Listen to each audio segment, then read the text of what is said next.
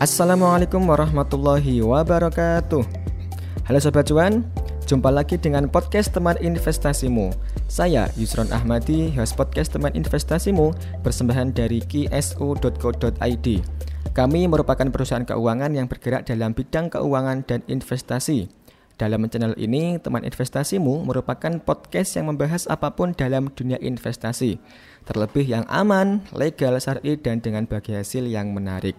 Selain channel podcast ini, teman-teman juga bisa cari tahu kami di IG maupun YouTube. Tulis saja Quantum Sinergi Umat. Di sana kita juga membahas dunia investasi dan bisnis. Kami juga punya website, cari saja di gsu.co.id. Oke teman-teman, Kali ini kita akan membahas mengenai pentingnya melakukan investasi. Teman-teman sadari atau tidak, saat ini begitu banyak ragam informasi tentang ragam pilihan investasi, mulai dari produk pasar modal, perbankan maupun bisnis real. Namun pada saat yang bersamaan, masih ada pertanyaan mendasar. Apa pentingnya kita berinvestasi? Dari sini, sebenarnya teman-teman sudah ketinggalan beberapa langkah dari saudari kita yang lain. Pertanyaan itu memang sederhana, tapi sangat penting. Mengenal berbagai produk investasi memang akan terasa percuma jika kesadaran untuk berinvestasi itu sendiri masih belum terwujud. Memang pertumbuhan masyarakat yang sudah mulai sadar investasi terlihat cukup besar.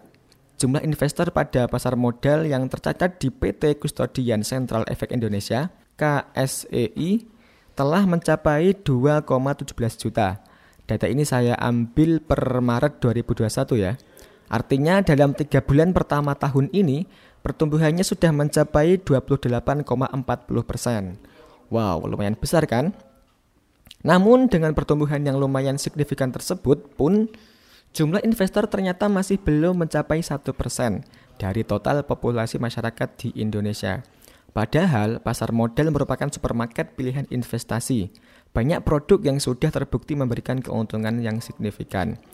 Oleh sebab itu, regulator, terutama Otoritas Jasa Keuangan dan Bursa Efek Indonesia, gencar melakukan kampanye pentingnya investasi.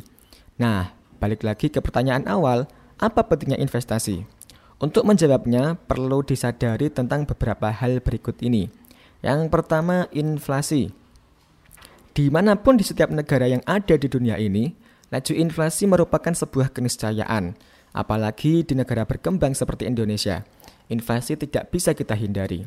Dilihat dari definisinya, inflasi dalam ilmu ekonomi adalah proses meningkatnya harga-harga secara umum dan terus-menerus berkaitan dengan mekanisme pasar. Pada umumnya, jika ada pergerakan ekonomi, ada kenaikan daya beli masyarakat, maka akan terjadi inflasi. Pada praktiknya dalam kehidupan kita, inflasi tentu sangat mudah untuk kita temui. Kita pasti pernah merasakan punya uang 100 ribu, lalu belanja kebutuhan harian sudah dapat beraneka macam. Itu dulu, misalnya 10 itu dulu, misalnya 10 tahun yang lalu. Bagaimana sekarang? Bisa jadi dapat 5 jenis produk kebutuhan harian dengan uang segitu saja sudah bagus sekali.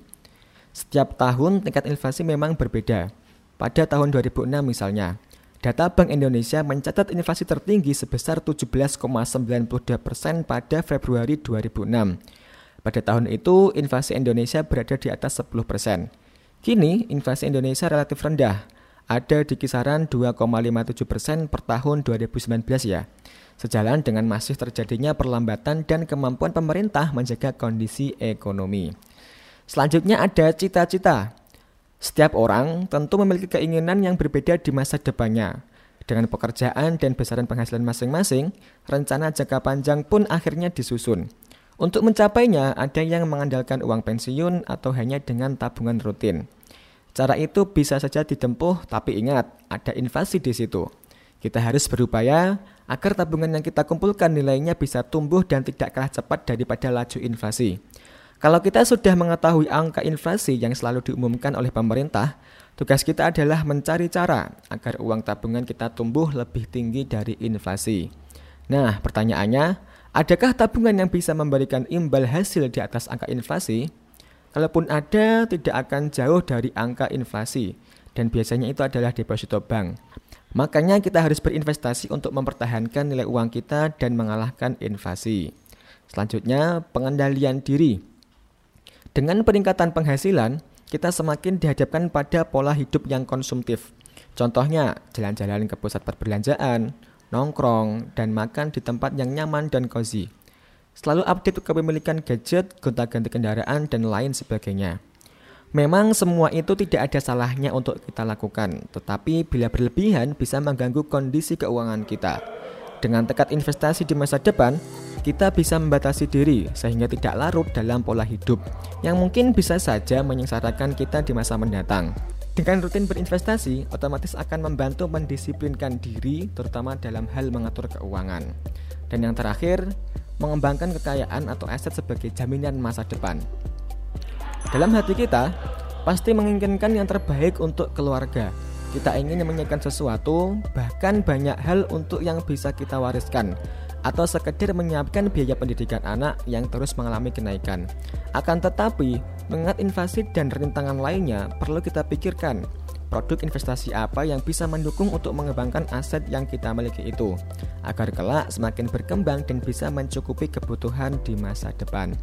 Bila kita sudah memiliki tujuan keuangan, baik untuk jangka pendek maupun jangka panjang, cara untuk mencapainya tentu dengan investasi. Dari sini kita pun mulai merencanakan keuangan untuk masa depan kita. Nah, itulah beberapa alasan mengapa pentingnya berinvestasi. Buat teman-teman yang masih awam dengan investasi, saya rekomendasikan teman-teman untuk mendengar podcast kita di episode-episode sebelumnya. Kalau teman-teman mulai tertarik dan mulai pengen belajar investasi lebih dalam, silahkan langsung kontak CS kami di gsmu.co.id. Oke teman-teman, itu dulu ya, semoga yang sedikit ini bermanfaat. Jangan lupa dibagikan ke teman-teman yang lain supaya kita sama-sama melek dalam berinvestasi. Mohon maaf bila ada salah kata atau penjelasan yang kurang jelas mungkin. Sampai jumpa lagi di podcast kita selanjutnya. Sekian.